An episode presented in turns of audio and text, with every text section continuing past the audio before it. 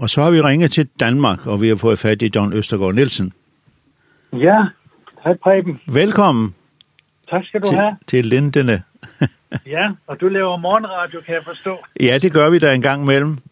Så ja. mandag, det er ligesom min dag. Ja, ja. okay. Det lyder dejligt. Ja. Ja. Hvis dem, dem som ikke kender dig, de der ikke kender dig, så er du jo boet på, på Grønland i, hvor mange år blev det? Ja, Jamen, det blev til 31 år. 31 år, ja. ja. ja. Det var, ja, det var en stor del af mit liv. Halvdelen af mit liv næsten. Ja, og det har du ikke fortrudt? Nej, det har jeg ikke fortrudt. det, har været, det har været nogle fantastiske år. Ja. Det var jeg så... kan huske, for en del år siden, for en del år siden, så gik jeg med min datter uh, her i Odense på en sommerferie, så gik jeg forbi, så gik jeg forbi det kvarter, hvor vi boede i, Ehm hvor vi havde et hus som vi jo solgte, da vi skulle rejse til Grønland og så videre. Og og så kiggede vi ned ad gaden, og så kom så kom der nogle mennesker ud, og det var så vores tidligere naboer, de kom ud af eh af deres hus og gik hen til deres carport og ind i deres bil, og så tænkte jeg, wow, det har de gjort lige siden øh, hver dag. Ehm og vi flyttede fra det der område der og fik lov til at tage til Grønland og opleve fantastiske ting. Mm. Ja. ja. ja. Altså, det, horisonten blev udvidet en hel del, må man nok sige. ja, horisonten blev jo udvidet, og øh, fik lært en masse nye mennesker at kende i Grønland, men også jo blandt andet ja, på Radio Linden og øh, Radio Linden på Island og øh, en masse kristne venner rundt omkring. Et kæmpe netværk af mennesker, som jo på en eller anden måde kom og tjente Jesus i Grønland på forskellige måder og var med til at lægge en masse brikker i et stort puslespil. Ja. Ja. Ja, du har sådan fortalt mig brudstykker en gang imellem, og der er jo noget af det, der er jo helt, øh, hvis man skulle sige det på engelsk, så var det mindbreaking. det, ja. ja. Fordi det var ligesom, ja. øh, I kom til et punkt, og så, jamen, så beder vi bare. Det var ligesom, ja. Ja. Ja, ja. Og så kom der pludselig nogen. Uh, så kom der pludselig nogen, ja. Ja. Ja hvor jeg personligt var med i et eller andet lille ting, et sådan lille tandhjul, eller et lille tand på et tandhjul. Et, et, et, et stort tandhjul, som stadigvæk kører øh, efter, ja, 2009, hvad har vi så? Ja, i 13 år, ja. 13, ja, 13 år kører det endnu, ja. og, og de computer, som blev leveret med fra Radio Linden, de kører endnu. De, de kører. der harddiske, jeg tror, der er en særlig velsignelse over de der... Øh, Så jeg går ind, jeg frygter, at de bryder sammen hver dag, men altså...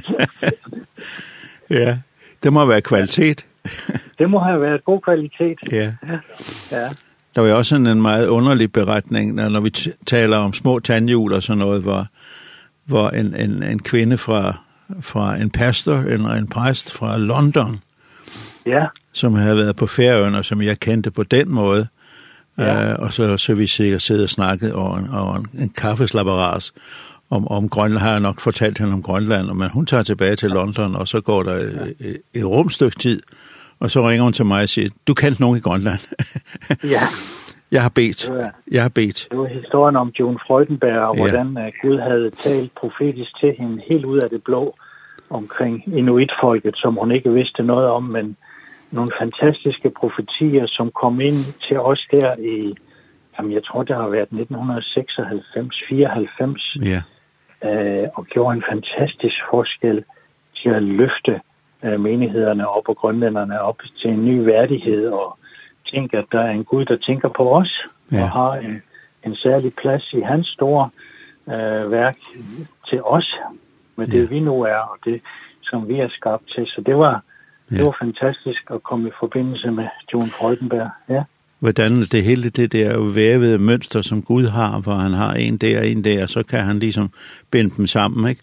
Og jo. hun ringer til mig og spørger, du kender nogen på Grønland, det fortalte du, og jeg kender en, det er Akaluk.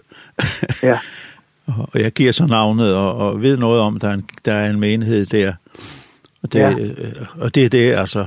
Og, og så har jeg, det er ja. sådan det lille tråd, jeg kan være med i, ikke? Jo, jo, og historien er jo, at vi sidder tre mænd og er lidt kede af det på et ældste og, og beder til Herren om at sende nogen, som kan komme og hjælpe os i Grønland. Øh, og hvem skal, vi, hvem skal vi finde på og, og bede om, eller hvem skal vi skrive til? Og vi anede ikke noget, så vi, vi sendte en bøn op til Herren, og så tog han over. Ja. ja, ja men altså. Det er jo fantastisk. meget trostyrkende, at sådan noget ja. sker. Ja, ja. Ja. En Jamen, fantastisk der en, kvinde, ja. Undskyld. Der kom en kvinde hen til mig i Odense her forleden dag og spurgte, om jeg havde nogle øh, eksempler på nogle bøndesvar. Og så siger jeg, det kan du tro. Og så rystede jeg en ud af ærmet. ja. fra, og det er også fra, der fra, fra 94, 93, 94, hvor vi havde besøg af en Kjell Sjøberg, som var sådan international øh, forbeder. Og han kom til Grønland, og det var på et tidspunkt, hvor vi ikke oplevede nogen særlig vækst eller noget, men eh hvor det egentlig gik ud på bøn og, og, og virkelig sådan bøn ind i den åndelige verden. Åndelig krigsførelse kaldte vi det. Men han kom med noget rigtig fin undervisning. Og så en, en fredag aften, eh så siger han til mig, er der nogen særlige ting, vi skal bede for? Og han havde så det her team med, som bestod af 11 eh folk fra forskellige kirker i Skandinavien og i USA, så det var sådan også et bredt kirkeligt spektrum, der var repræsenteret, altså lige fra, lige fra brødremenigheden i den ene ende, eller Moravians, som, som det var, over for USA, og så over en islandsk folkekirkepræst, og helt op til, til nogen fra Uppsala i Sverige. Altså, det var hele spektret. og, og når der blev bedt, så blev der bedt stille i det ene hjørne, og højlydt i det andet hjørne. Men den aften, så, så havde jeg sagt, jamen altså fredag aften og lønudbetaling, så har vi kæmpe problemer i Grønland og i Nuuk med alkoholrelaterede slagsmål og husbetakler. Ja. Og øh, det blev der så bedt imod det her. Og lørdag morgen, så går jeg på politistationen for at, at få en døgnrapport, fordi nu er vi nysgerrige efter, hvad var der sket her fredag nat. Mm. og så siger politimanden til mig derovre, ja, det er da underligt, du kommer og spørger, fordi vi havde ikke noget at lave i går. ja. Ja. ja. Det er tror det. Øh, det var meget usædvanligt. Og så ja. tænkte jeg, okay. Men øh, jeg, jeg tænker stadigvæk på det, Preben, fordi er der noget, vi misser her? Altså, når det kunne ske den ene gang, hvorfor gør vi det så ikke noget oftere? Ja, nemlig. Mm. Ja. Og, og så, så, så vil herren også, I skal begynde, I begynde at lære noget om helbredelse. Og så kommer ja. der en mand, der hedder Hans Bernsen op til. ja, ja, så fik vi øjnene op for det. Og så, da han havde bedt for nogle øh, få grønlænder, og deres ben de voksede ud og, og, og så videre, så blev der skabt en fantastisk tro i menigheden. Øhm, og øhm, ja, der blev holdt, der blev holdt, jeg tror det var fire dage hen over påsken der i 2003, hvor der blev holdt møder i Nok. Altså, det, det forvandlede vores menighed. Den voksede fra 40 til 80 hen over den der weekend der. Ja. Og, og hele by, byen blev berørt, men også hele landet blev berørt. Og der kan man sige, der har radioen jo, det var før vi fik kristen radio, men altså så, så havde herren sendt en, en journalist fra Grønlands Radio hen til et møde, fordi at, hun var blevet nysgerrig. Og hun havde så et piskesmældsuheld for mange år siden, som gav hende smerter i ryggen. Så hun blev bedt for den første aften og bliver helbredt. Og så, så, så spørger hun, om hun må komme dagen efter, og så kommer hun med sendeudstyr, øh, transportabel sendeudstyr, og så går hun live på klokken 19 i den tid, hvor de sender radiovis i hele Grønland. Mm -hmm. Og der får Hans Bernsen lov til at bede en bøn i Grønlands radio ud over hele landet. Ja. Kort bøn om helbredelse. Og det, der sker, det er, at øh, mange, mange mennesker rundt i hele Grønland, fra øst til nord, syd og vest, de oplever spontane helbredelser og begynder at ringe til os mm. og fortælle om det. Og andre, de ringer for at få forbøn, fordi når det virker for en, så virker det vel også for en anden. Og ja. der var telefonstorm i, i, i måneder bagefter. Ja. Ja. Så... Altså, så det som ja. hver gang I har haft... Øh en længsel, en behov, eller hvad skal jeg sige, øh, et eller andet, og så har I søgt Herren, og så, så har han svaret for. I de mange, ja. tilfælde, i mange tilfælde i hvert fald, ja. Ja, helt, helt overvældende, altså, især når man står bagefter og, og ser ind over det, som er sket, altså, fordi lige når du står i det, så ser tingene, og det gjorde det jo mange gange for mig også, så, så så det jo håbløst ud, altså. Ja. Øhm, vi stod også med et byggeprojekt, vores menighed voksede, og kirken var for lille, og så måtte vi bygge en ny kirke, Og øh, der gik fuldstændig skud og mudder i det. Det hele var, var lagt på skinner, og øh, økonomien den var også på plads, og banken havde lovet, at de ville stille byggegaranti. Og jeg skriver under på en stor kontrakt til over 2 millioner og tager på sommerferie. Da jeg så kommer tilbage til Grønland, så viser det sig, at fordi det netop var en kirke, så havde kreditforeningen fra Danmark, de havde trukket sig og sagde, det kan vi ikke, det kan vi ikke låne penge til. Nå. No. Øh, og så havde okay. banken jo ikke udbetalt noget byggekredit, Nej. så og tømmeren han var i fuld gang og havde allerede regninger for over en million, som lå der og ventede på mig. Øhm, og der må jeg sige, der havde jeg så, der havde jeg nok en uge 14 dage, hvor jeg ikke sov om natten der, fordi altså, jeg kan huske, jeg var helt deprimeret og og øh, tænkte, hvad er det værste, der kan ske? Jamen, det er jo, at jeg kommer i gældsfængsel eller sådan et eller andet. Det var, det var helt derude. Ja. Og så har jeg jo en, en, en dejlig kone. Du kender min kone Ulla. Ja. Med begge ben på jorden, og så en, kan jeg huske en, klippe, aften. en, kl en klippe i sig selv, ikke? en aften, hvor, hvor jeg havde beklaget mig, at jeg ikke kunne sove, og sådan noget, så siger hun, jamen altså, det er kun penge. Altså, bare den der bemærkning. Det er kun penge. og øh, selvfølgelig søgte vi herren, og så kom der simpelthen en fantastisk løsning, så Så vi havde jo vi havde to andre huse i byen, som vi så kunne belåne, og så 1, 2, 3, så var der penge til det hele. Ja. Så, så det lykkedes på en rigtig god måde. Ja. Og så, så det lille også, som, som pludselig får en idé om, vi skal have en radio, en lokal radio. Og hvordan ja. gør vi det? Og så er der bare nogen, ja. der ringer til. Sådan er det.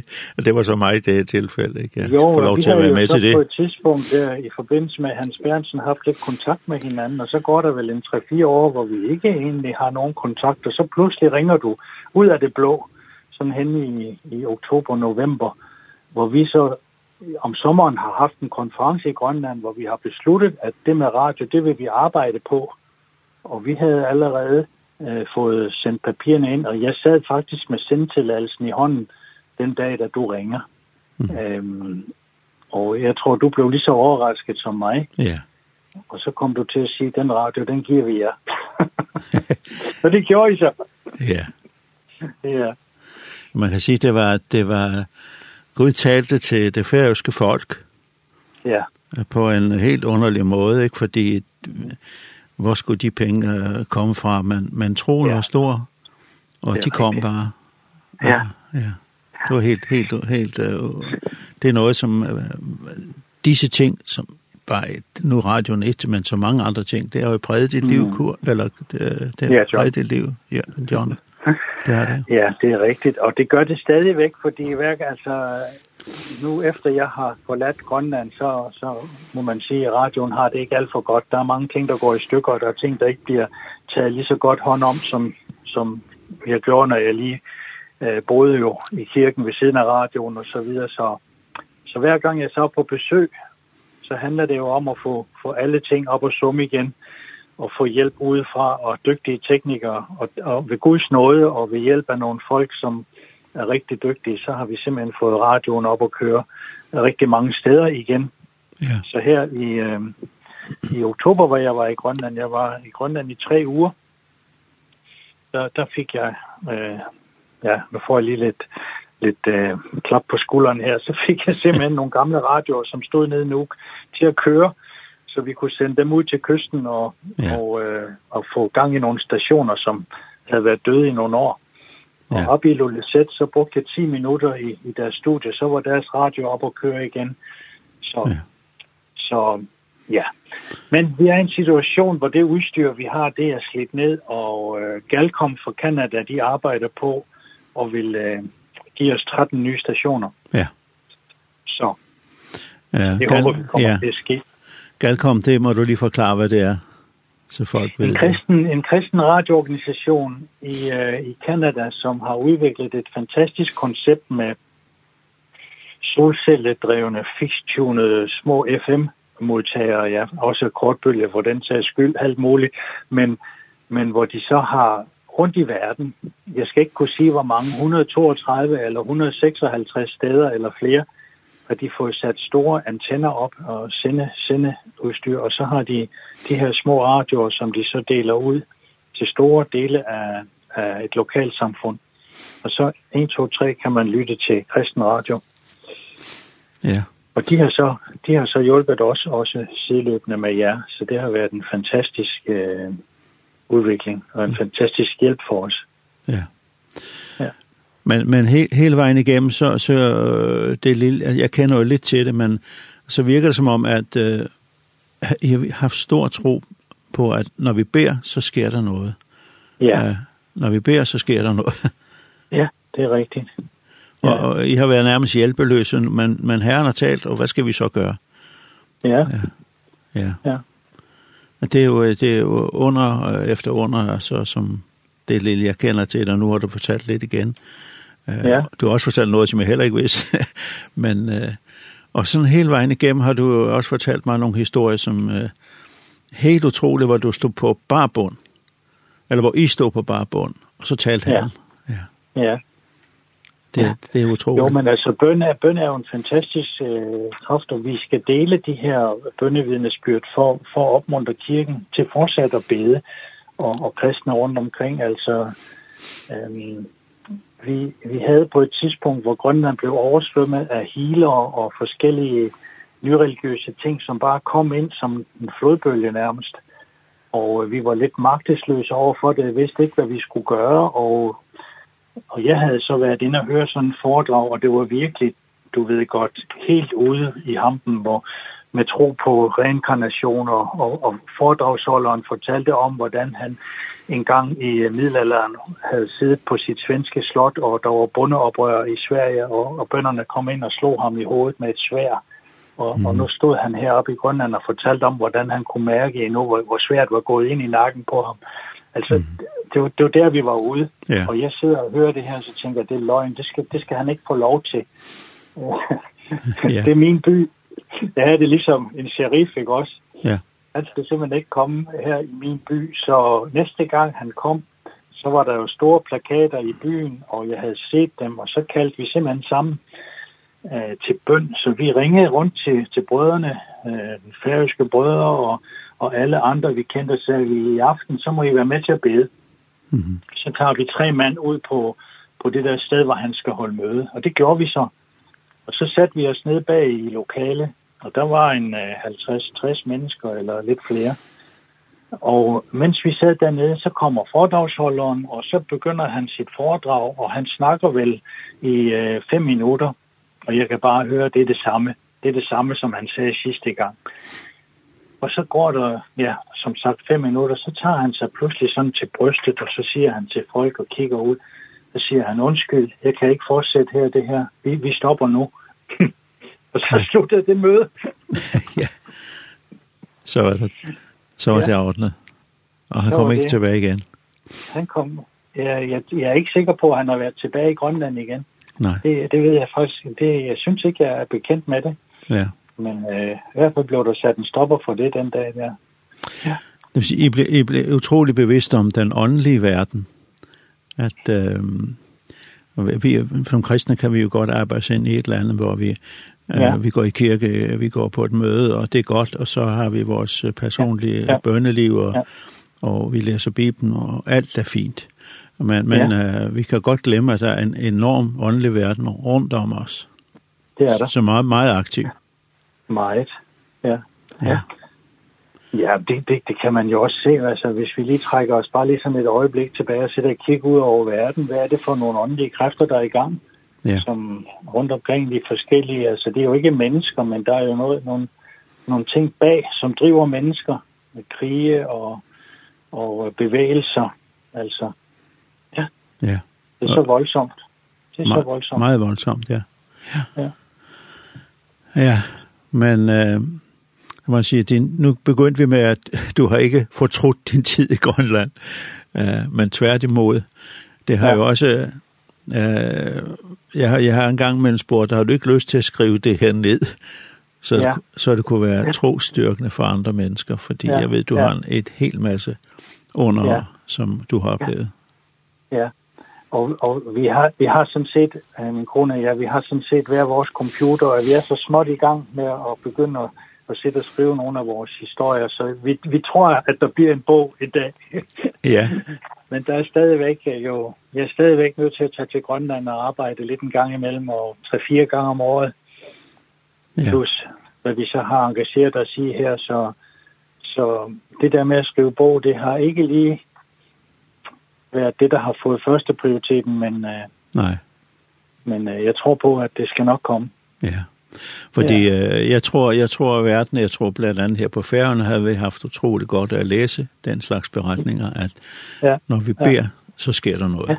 Og det, det har jo gang på gang, hvor, hvor du har været ude i situationen, hvor I har været ude i situationer, og du faktisk ikke har vist din levende råd, som man siger på dansk. Ja, ja.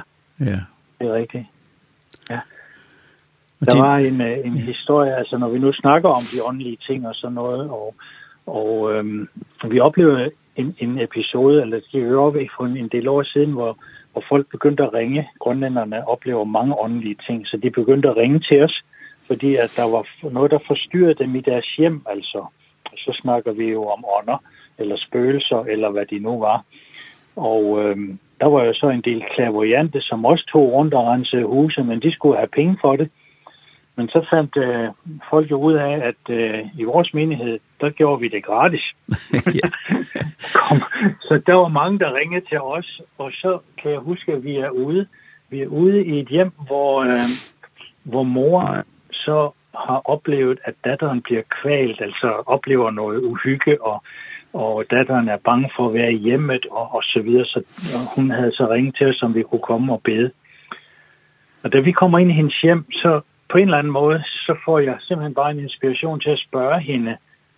Nu skal jeg lige sige, at hun har været karatekæmper og taekwondo-kæmper, og mm -hmm. har været langt inde i, den der øh, østlige kampsport. Så falder mine øjne på hendes reol, og der står en lille urne, der står en lille krukke. Og jeg ved ikke hvorfor, men jeg spørger hende, hvad, hvad er det for en krukke? Så siger hun, jamen det er asken fra min gamle karatemester, taekwondo-mester. Og så var det simpelthen, at det gik op for os, den der, den skal ud. Og, og det kom den så, og så var problemet løst. Ja, ja. ja. Så der, der er en åndelig virkelighed, som knytter sig til, til sådan nogle ting der. Ja. Det, det er kun i bøn, altså man får, får åbenbaringer, som kan, kan løse sådan noget der. Ja. Altså, den, øh, nu har jeg jo selv haft en glæde at få lov til at bo øh, på Grønland i, i ja. et år, og øh, ja.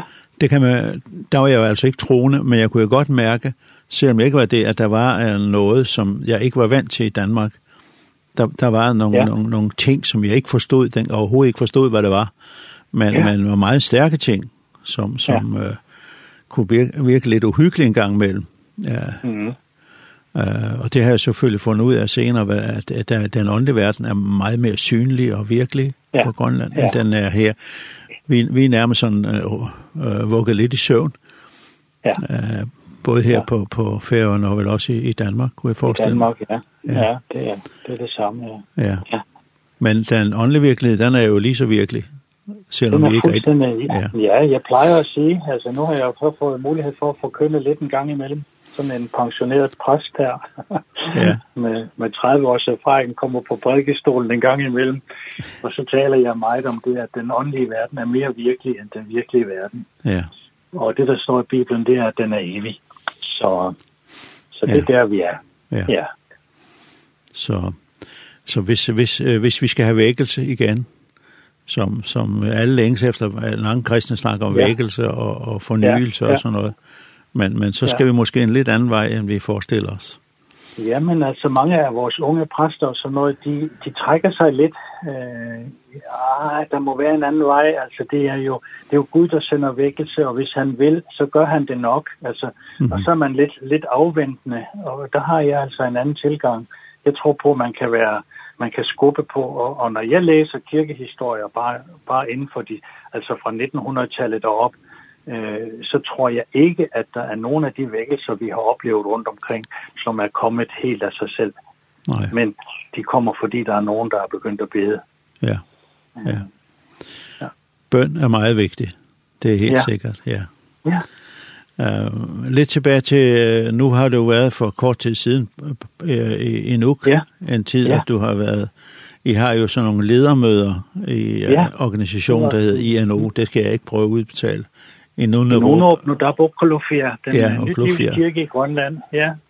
ja. Og, og der er jo... Øh, hvor mange på der vestkysten, og der er hvad, ja. 12, 15 eller hvor meget er det? Menigheder? Ja, vi har 13, 13 menigheder. 13 menigheder, ja. Ja. Og over det hele, helt fra nord til syd. Fra Kranach til Nanortelik, og så op ad østkysten til Dasilak, ja. Ja, ja. ja. Og I er så sammen på sådan en ledermøde? Vi havde et, et ledermøde der, hvor vi så prøvede at, at samle så mange ledere som kunne. Og vi var lidt udfordret med, med flyvning og helikopter, der ikke kunne komme frem og så videre. Men, men der var omkring 20 ledere, som kom og var med i ledersamlingen. Og det var med, med god undervisning, og, og, og det var rigtig godt og styrket ind i en, en lidt svær tid, vi har haft i Grønland i menigheden. Men, men det var godt at få samlingen igen Ja. Og der blev så besluttet, at øh, næste års sommerstævne, det skal være i Nuuk. Så der bliver jeg nok også involveret, og menigheden i Nuuk bliver involveret. Men, ja. men øh, det er jo der, hvor vi ligesom prøver at samle, samle menigheden til et sommerstævne. Ja. Så, ja. Vi havde det, ja. min kone og jeg havde den glæde at få lov til at være med sådan et sommerstævne ja. i Manitsok. Ja, det er og, rigtigt. Og det vil jeg sige, jeg tror, jeg brugte meget af tiden med at sad der til at tørre lidt tårer væk. For det var jo gribende at se, hvad der skete der. Ja. Det er de der mennesker, der var forvandlet helt, øh, og øh, var ikke bange for udtryk, der deres lede.